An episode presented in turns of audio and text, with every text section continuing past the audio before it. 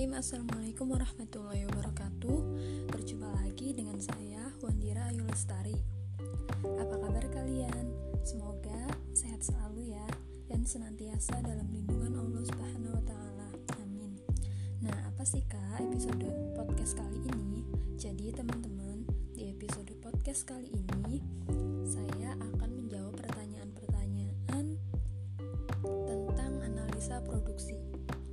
Oke, kita lanjut pada pertanyaan yang pertama, yaitu jelaskan pengertian dari produksi. Nah, produksi itu dalam bahasa Arab sama dengan kata al-intaj yang secara harfiah itu dimaknai dengan ijatu silatin, mewujudkan atau mengadakan sesuatu atau khidmatu muayyanatin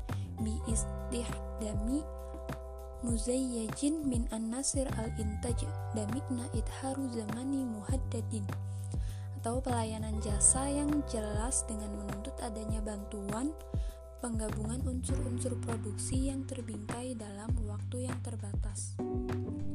Seorang tokoh ekonomi Islam yaitu Abdurrahman Yusro Ahmad eh, mengungkapkan bahwa proses produksi yang dijadikan ukuran utamanya adalah nilai manfaat atau utility yang diambil dari hasil produksi tersebut.